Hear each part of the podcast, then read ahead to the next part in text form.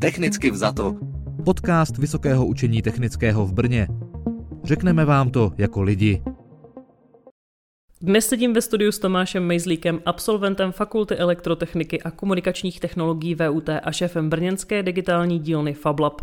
Bavit se budeme o moderním kutilství, o takzvaných makerech a jak vlastně vypadá novodobé bastlení v době 3D tiskáren a laserových řezaček. Dobrý den Tomáši. Dobrý den. Tak na začátek, co je to digitální řemeslo a kdo to je ten maker? Tak digitální řemeslo, my zatím vidíme vlastně jako to spojení toho tradičního řemesla s těma moderníma výrobníma technologiemi a vlastně je to taková ta kombinace toho typického třeba tradičního truhláře, ale prostě když člověk je 3D tiskař, tak se mu většinou říká 3D tiskař, ale my jsme jako nazvali globálně jako digitální řemeslníky a digitální řemeslo. A ten maker to je vlastně jako člověk, který nejlepší definici asi, asi co znám, tak vymyslel Deloitte a je to člověk, který nachází smysl a svou identitu vlastně v tvoření. Takže to je vlastně aktivní člověk, který rád těm výzvám jde čelem a reaguje na ně a řeší je sám a není to spíš opak toho pasivního, který by třeba jen seděl a čekal a vlastně a stěžoval si, takže ten aktivní tvůrce je maker. A kdy došlo k přerodu z kutilů na makery? Já myslím, že uh, se jako nedá úplně přesně říct datum, ale myslím si, že to právě bylo s tím velkým zpřístupnění nových moderních technologií výrobních, jako třeba ty 3D tiskárny, kterým v roce 2009 vypršely patenty, takže se vlastně mohly rozšířit ve velkým i, v, i ty standardní tiskárny, které si člověk může pořídit domů. Nestojí 100 tisíce, ale, ale řádově prostě 10 tisíc, 20 tisíc korun a další technologie typu laserové řezačky a tak, tak to si myslím, že ten okamžik, kdy se, kdy se vlastně z toho kutila stal, stal maker. A co ještě všechno makeři používají? Používají třeba i pajku jako takový old school nástroj? Určitě, určitě. No to není jen o těch moderních, ale to právě o tom využít toho nejlepšího z toho tradičního a toho nejlepšího z toho digitálního, jako těch strojů a přístrojů a tak. Takže a když se bavíme o tom jako obecně běžně dostupných technologiích, tak to jsou 3D tiskárny, laserové řezačky, CNC fresky, můžou to být třeba i CNC soustruhy, nějaká část elektro, IoT a, a k tomu vlastně třeba řemeslná dílna na, na truhlářství. Já vím, že existují i chytré šicí stroje. K čemu to je? Je to, je to tak, no. Tak ten, uh, On jakože vyšívací stroj uh, většinou se používá pro vyšívání, protože chytrý šicí stroj nemá až takovou přidanou hodnotu, protože u toho vyšívání, kde je těch desítky tisíc stehů, tak tam to člověk pozná nejvíc právě tu rychlost, že to dokáže vyšívat až rychlostí 1040 stehů za minutu, aspoň ten, co máme u nás ve Fablabu.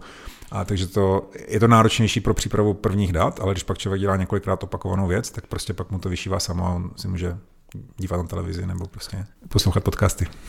A omezuje se teda Maker jenom na jako technické vlastně zaměření, nebo třeba i na to umění. Když hmm. právě zmiňujeme třeba ten šicí stroj, tak si úplně nedokážu představit, jak někdo přijde s tou pajkou a zároveň používá ten, ten vyšívací stroj. Hmm. Ten maker nemusí být ten čistě technický, to je právě podle mě nějaký jako před, předpoklad, který, uh, který není stejně tak jako, že technika není pro holky, pořád si myslím, že nevím, jak je to na VUT, ale myslím si, že většina jako je kluků a je to nějaký předpoklad nebo něco, co tady je ve společnosti a není to tak, ale ten maker prostě může být umělec, může to být řemeslník, může to být student, může to být někdo třeba, kdo vůbec jako nemá profesně ani s tím nic spojeného a jen to využívá pro svou vlastně volný čas, zábavu, takže jen si tam vyrábí třeba dárky. Takže ta rozmanitost tomhle může být, může být velká, není to jen pro techniky. Dá se říct, jaký byl nějaký ten impuls teda vzniku digitálního řemesla, co to vlastně sebou přineslo? Mm-hmm. Impuls byl ten, že Fabla Brno potřeboval napsat novou vizi. my, jsme se, my jsme se věnovali vizi a právě jsme řešili, jak pojmenovat tady tohle, to, co děláme. Digitální výrobní technologie, ty jsou vlastně jen o těch strojích a my jsme to chtěli pojmout jako, aby to pojalo i, i vlastně ty dovednosti, které nejsou nutně spojené s, tím, jako, s těma tvrdýma strojema. Tak jsme vlastně vymysleli digitální řemeslo. Ta, ta vize teďka všichni na Jižní Moravě mají možnost osvojit si a rozvíjet digitální řemeslo. Takže vlastně jsme to udělali kvůli tomu, aby to bylo možná takový líp pochopitelný a, a pro, pro ostatní. Takže my jsme to vymysleli před nějakýma čtyřma rokama, ale to je samozřejmě nějaký zarámování, ale obecně si myslím, že eh, tady ty technologie, jak se stávají dostupnější a dostupnější, tak je to otázka posledních zhruba 20 let, jako třeba první FabLab eh, vlastně vznikl v roce 2001 a pak se rozšiřoval do dalších částí světa, takže, takže si myslím, že tak 20, 20 let je to. FabLab už tady párkrát zaznělo, já si myslím, že plno posluchačů vůbec neví, co to je. Můžete to mm. přiblížit? Co je mhm. FabLab? Tak FabLab eh, je vlastně takový, když, když to představím hodně, hodně jako obecně, ale jistě, tak je to uh, taková kutilská dílna, podobně jako je třeba uh, posilovna, kde člověk za nějaké měsíční poplatek chodí využívat stroje, to, aby se posílil a procvičil tak v tom FabLabu a vlastně využívá, může využívat za nějaký měsíční poplatek právě ty digitální výrobní stroje a naučit se s nimi pracovat a využívat je pro prostě své projekty.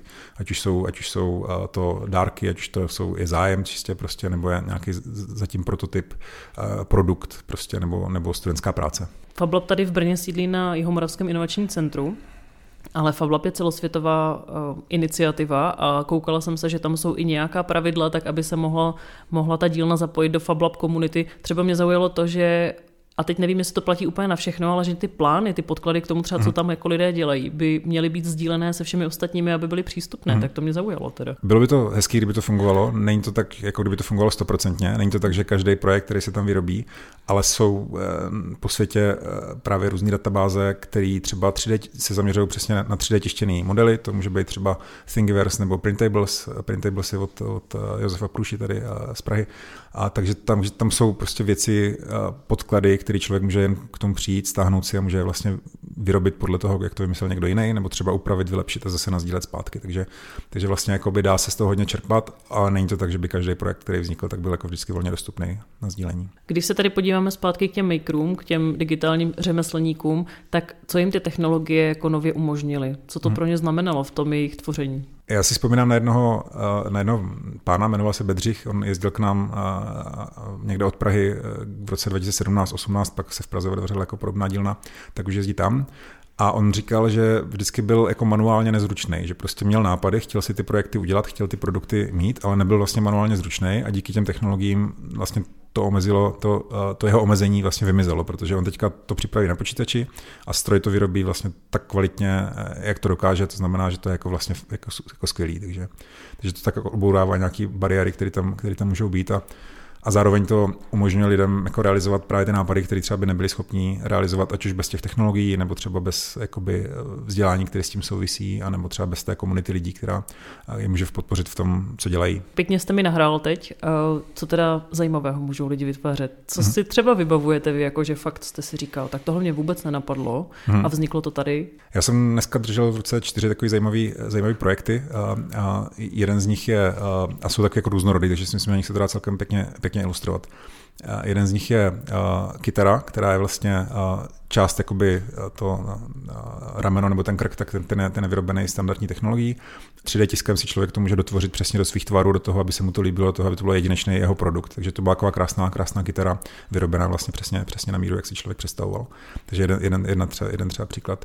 Druhý příklad, máme tam jednoho, jednoho člena, který přišel s tím, že, že by chtěl vlastně vyrábět open source botu a pod tím, že open source bota si můžete představit to, že prostě přijdete na web, tam si zadáte velikost svý boty a ono vám to pošle jako data a, a můžete pak pomocí libovolného foblabu kdekoliv na světě, protože ty technologie jsou, jsou tam podobné, a tak si vlastně vyrobit botu přesně, přesně jako na míru.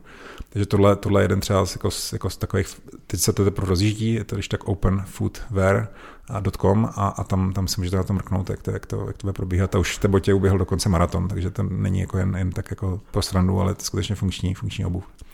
A další z těch projektů, a to byla taková kazeta na, na pero a to byla taková speciální kazeta na pero, protože s tím perem a, s, a v té kazetě to měl pan prezident, když podepisoval inauguraci, a tak, nebo slib České republice, a tak vlastně tam měl to pero, pero vyrobený, a to nebylo přímo u nás, ale to bylo v Hobilabu, v podobně vlastně smýšlející dílně a my jsme vyráběli, pomáhali vyrábět tu kazetu, kde jsou prostě takový pěkný, jakoby vyfrézovaný prostory na ty, na ty pera na Ingoust a je to taková velká krabička z krásného ořechu, takže, takže to je třetí projekt. A čtvrtý příklad, který se mě teďka vybavuje, tak je a také v rámci studentské soutěže, tak tam byla studentská nebo střední škola grafická, která vlastně se zaměřila na výrobu učebních pomůcek. A oni dělají, oni se prostě učí o tom, jak fungují ty velké tiskárny na papír a tak, tak oni si udělají zmenšený model, který na jedné straně je plexis, plex, průhledného plexiskla, takže tam dá krásně vidět, člověk tam vidí všechny ty válce, ty válce jsou pohyblivé, takže se na tom může krásně ilustrovat ty velké vlastně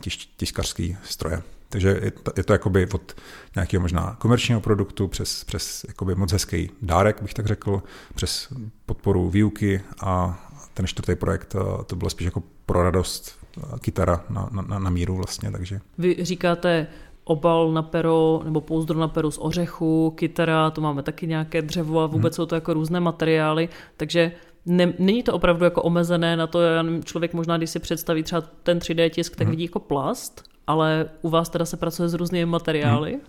A u toho 3D tisku, tak tam je to většinou ten plast. Ono, ty běžně dostupné 3D tiskárny tisknou z plastu, můžou mít třeba nějaký příměsi dřeva v sobě, ale většinou je to pořád ten plast. Pak jsou samozřejmě pokročilejší tiskárny, které tisknou třeba z kovu nebo jako z dalších eh, materiálů. A, ale vlastně případě eh, těch technologií, jak jsem vyjmenovával 3D tisk, laser, CNC a, a, další, tak tam se dá pracovat typicky vlastně s libovolnýma jako plastovými materiálama, anebo klidně i dřevěnýma. U kovů to většinou bývá, tam bývá limit, že třeba měkký kovy to zvládne, ale ty tvrdší kovy, na ty tvrdší kovy už ty stroje nejsou, respektive už musí být jako pořád jako náročnější technologie a, a dražší, aby to, aby to mohla vlastně obrábět.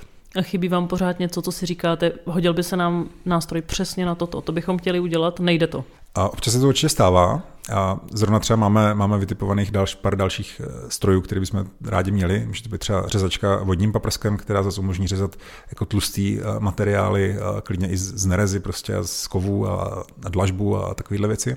To ten laser náš zatím, zatím jako neumí. Takže určitě tam jsou občas nějaký, eh, nějaký limity a někdy můžou být ty limity v tom, že prostě potřebuji, chtěl bych pracovat s tím materiálem, typicky třeba tvrdý kov, a na to prostě ta dílna vybavená úplně není. A, anebo, a, anebo třeba a, chtěl bych, a, já nevím, vyrobit seriovou výrobu něčeho a to už zase jakoby je otázka spíš třeba jiných technologií, stříkolisování a tak. Je to spíš pro uh, Fablaby obecně, nebo tady tohle digitální řemeslo v tom smyslu, jak my to vnímáme, tak je to vlastně spíš prototyp nebo, nebo jako zakázková nějaká výroba ve smyslu jeden kus, dva kusy, pět kusů, deset, ale ne z toho 200 a tak. Když teda já přijdu do Fablabu jako úplný nováček, nebo když většina lidí přijde do Fablabu jako úplný nováček a vůbec se setká s tím digitálním řemeslem, tak co je napadne jako první dělat? Je něco hmm. opravdu, co vidíte, že na tom si to testují třeba? No já myslím, že tam chodí jako dva, dva různý typy lidí. Jedni, kteří prostě ví přesně, co potřebují a jen hledají ten stroj. Takže já nevím, mám potřebu vyrobit uh, a teďka třeba koupil jsem si novou linku a nemá, nemají příborník přesně na tu na velikost té, té, té poličky, kterou tam mám, tak si prostě vyrobím přesně na míru. Jako, ty lidi ví, co chtějí, tak prostě jdou jen po těch technologiích, aby jim to pomohlo, pomohli vyrobit. A pak je tam druhý typ lidí, který prostě to zaujalo, říkají si, to bylo super jako něco vyrábět, ale vlastně nevím co. A pro ně pak jsou super právě ty databáze, které jsou na internetu a prohledají si tam a baví mě prostě, nevím, auta, tak se tam podívám na nějakou převodovku, třeba tu si vytisknu a můžu to mít jako na, jako na ukázku doma. A zvládne to úplný like. Jo, zvládne to, uh, zvládne to. Uh, my ty technologie, co jsme vybírali, jsme vybírali s ohledem na to, aby byly co nejjednodušší na používání, a, aby prostě člověk neměl tam tu bariéru v tom, že musí tady půl roku studovat, aby, aby si mohl vůbec použít 3D tiskárnu. Takže obecně většinou na to je hodina, dvě hodiny, čtyři hodiny, maximálně pětihodinový školení na ty technologie, co my tam máme. A pak je člověk schopný si to vlastně jako, jako, jako s tím pracovat a vyrábět. A je to ještě tak, že nemusí projít čím, prostě zajímá mě tahle technologie, tak se proškolím právě teďka na tuhle technologii, takže takový jako just in time, právě teďka potřebuju tohle, tak se na to proškolím a můžu to využívat. Takže jsou tam vůbec nějaké mm, předpoklady pro to, aby člověk mohl třeba hmm. přijít k vám do dílny nebo být uh, tím makerem, anebo je třeba jediným tím předpokladem jenom to nadšení? Hmm. Nadšení je určitě super. A, a, a jako myslím si, že tam pomůže trošku takový to technické myšlení. Nemusí to být nutně technické vzdělání, ale takový to technické myšlení vlastně trošku jako vědět, že když eh, ve 2D výkresu tady mám tohle, tak když to prostě si promítnu do toho 3D, tak to udělá si tohle, až to vyřežu. Takže to si myslím, že je fajn ale zároveň tam, my tam máme akorát jediný limit vlastně 15 a víc let. Musí mít ten člověk, jinak je to úplně jedno, jestli přijde prostě student nebo, nebo duchotce nebo technik, který všechno ovládá, nebo maminka na mateřský dovolený, která prostě hledá trošku rozptýlení, je to fakt jako jedno, ty technologie jsou celkem jednoduchý a, a může začít s něčím, s 3D tiskem, byla tam jedna paní, co dělala s 3D tisku vlastně šperky, na 3D tiskárnách, ale pak tak koukala vždycky, jak tam někdo vyráběl na tom laseru, koukala, koukala, až si prošla školením a taky tam vyráběla pak na laseru, takže tak postupně se člověk může dostat k dalším a dalším technologiím. A jakého máte nejstaršího návštěvníka nebo makera, víte? No, to z hlavy asi nevím, ale určitě bylo kolem 70, možná přes 70, přes 70 let. Takže si nestěžují na to, že ty staré dobré časy, kdy si to všechno dělali ručně, už jsou pryč, ale naopak se snaží jako adaptovat mm. na ty technologie. Jeden, jeden třeba pán, který k nám, k nám chodí ze starší generace, tak on právě říkal, že eh, jako jezdil, když jako byl jako elektrikář, tak jezdil všude po světě a, a vlastně teď mu trošku chybí v tom důchodu ta parta lidí, s kterou prostě on si sedl a vždycky něco vyráběl nebo vymýšlel, tak on prostě tam chodí jako za tou, za tou vlastně partou, takže, no, takže to jako ty motivace můžou být různý. Technicky vzato podcast Vysokého učení technického v Brně. S Tomášem Mejzlíkem se stále povídáme o digitálním kutilství. Jaké věci vy jste vyrobil sám pomocí digitálního kutilství, pomocí nástrojů hmm. toho digitálního kutilství? Tak mě se to dost odvíjí od toho, že moje žena je, dělá taky svadební koordinátorku, takže spoustu věcí na svatbě jsem tam vyráběl, takže třeba slavobránu takovou hexagonální, a, nebo i na, na naší svatbu, tak jsme vyráběli asi 17 různých projektů, je to vlastně, máme to ještě tak nazdílený na Made in Fab Lab, vlastně v sekci Made in Fab Lab na webu. Byly to třeba různé jmenovky, byly to gravírování do skleníček s naším ekologem svatby nebo s naším termínem. A pak to byly, já už se ani nevybavím všechno, co tam bylo, polštářky jsme dělali do takové jakoby relax zóny, si potiskávali a a, a spousta takových, takových jako, jako drobných, drobných věcí. Já nejsem úplně ten, kdyby, kdyby tam jako vyráběl prostě mega velký projekty, spíš takovéhle ty drobnosti. Já si myslím, že náhodou příklad svatby je docela, eh, docela dobrý, protože třeba plno posluchačů už se tím prošlo a ví, že je to náročné to schánět, teď to úplně neodpovídá, je to drahé.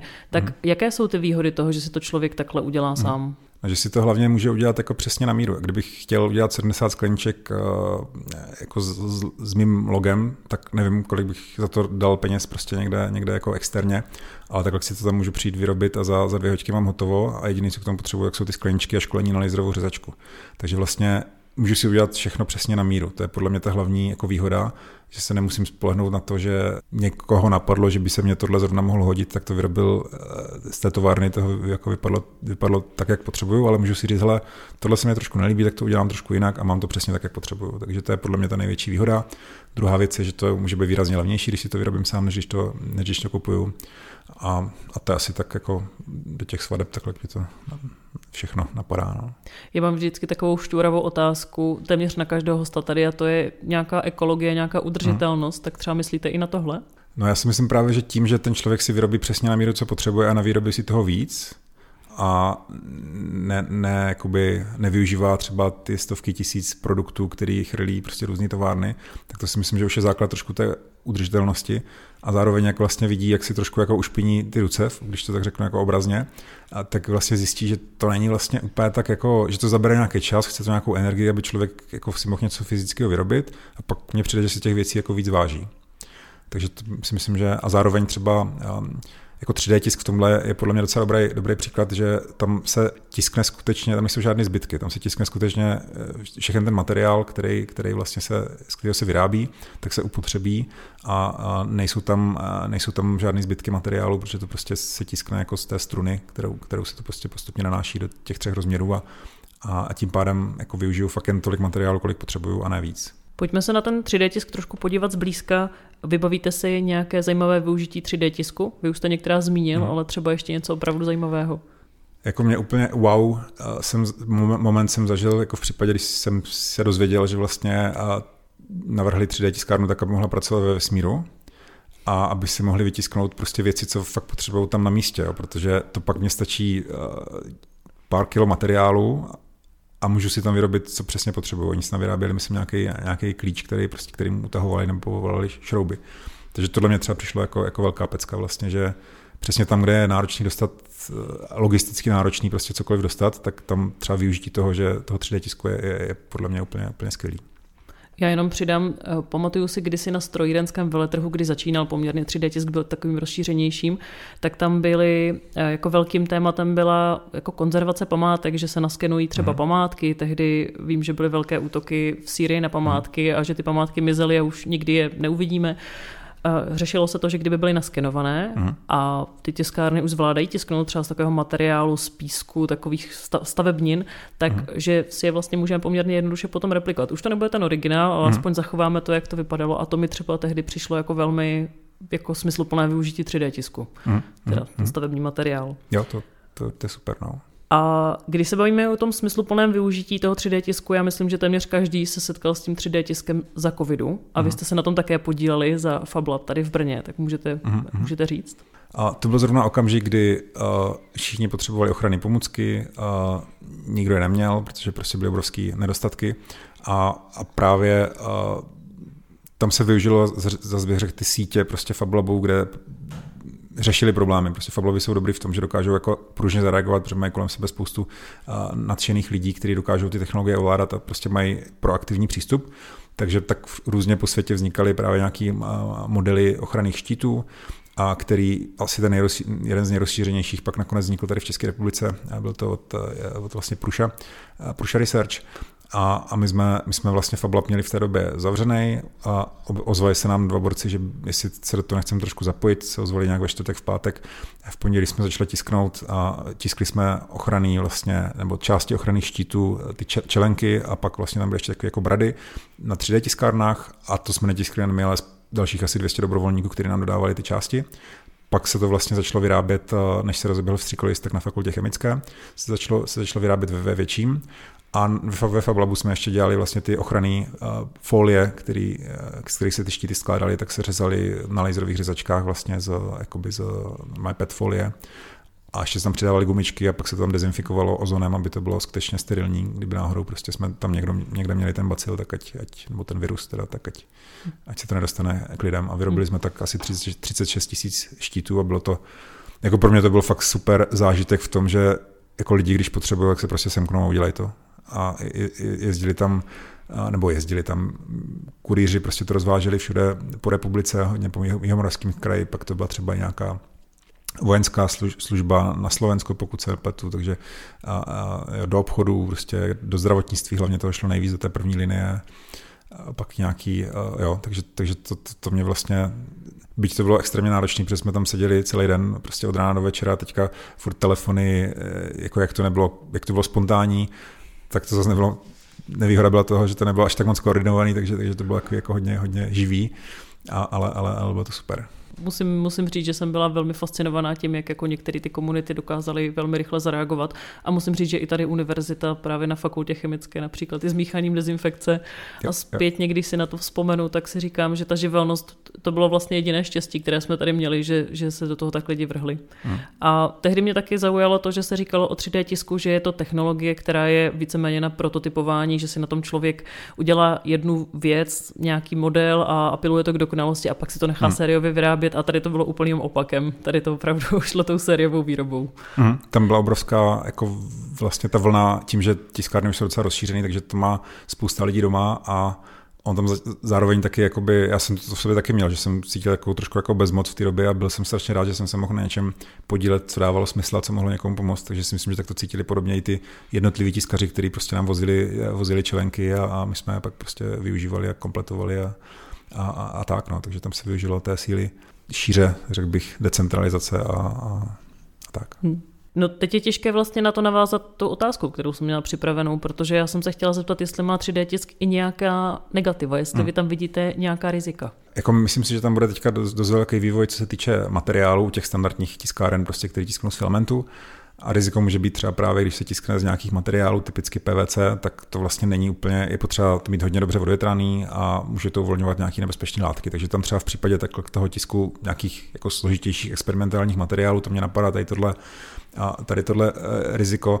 A taky se občas mluví o tom, že se dá na tiskárnách vlastně vytisknout jako zbraň, kterou pak nerozpoznají rengeny a ale ona jako zase na druhou stranu většinou ta zbraň, zbraň je nefunkční, respektive pokud to člověk udělá tak, že ho jen kompletně vytiskne, tak ho pravděpodobně ohrozí víc toho střelce, než, než kam, po kom střílí. Ale samozřejmě dají se tam tisknout části jako pažby nebo jako části těch, těch, těch zbraní.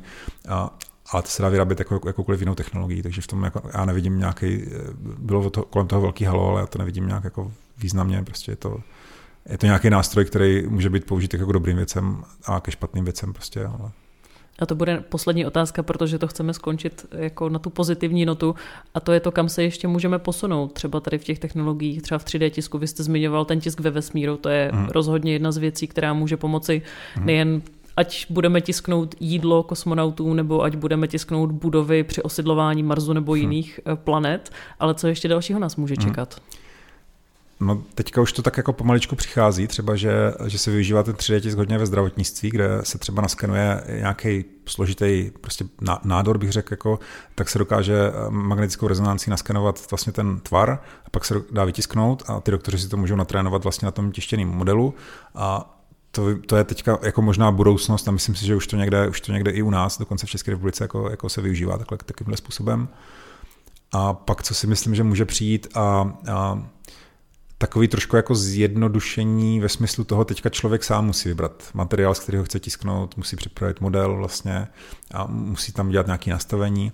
A tak, ale myslím si, že nebude dlouho trvat a bude to tak, že člověk řekne, hele, potřebuju to použít pro tenhle účel a ten jako systém software už nějak dokáže spočítat, co za materiál to má být, aby to mělo dostatečnou pevnost třeba a, a dokáže mu třeba i poradit nebo navrhnout pomocí třeba nějaký eh, jako umělá inteligence i ten tvar, jako i ten model. Takže by pak vlastně člověku se úplně zjednodušilo ten, že by už pak byl jen jakoby nápad, ten by jen nějakým způsobem napsal a už by to byla, ta výroba byla, byla o to jako zjednodušená. To si myslím, že by přišlo pak spousta inovací, které teďka jsou někde schované v hlavách lidí.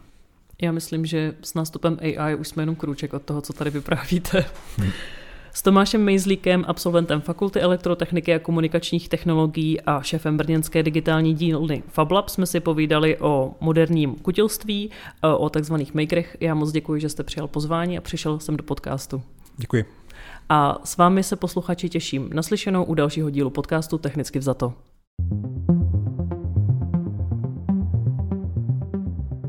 Technicky vzato. Podcast Vysokého učení technického v Brně. Řekneme vám to jako lidi.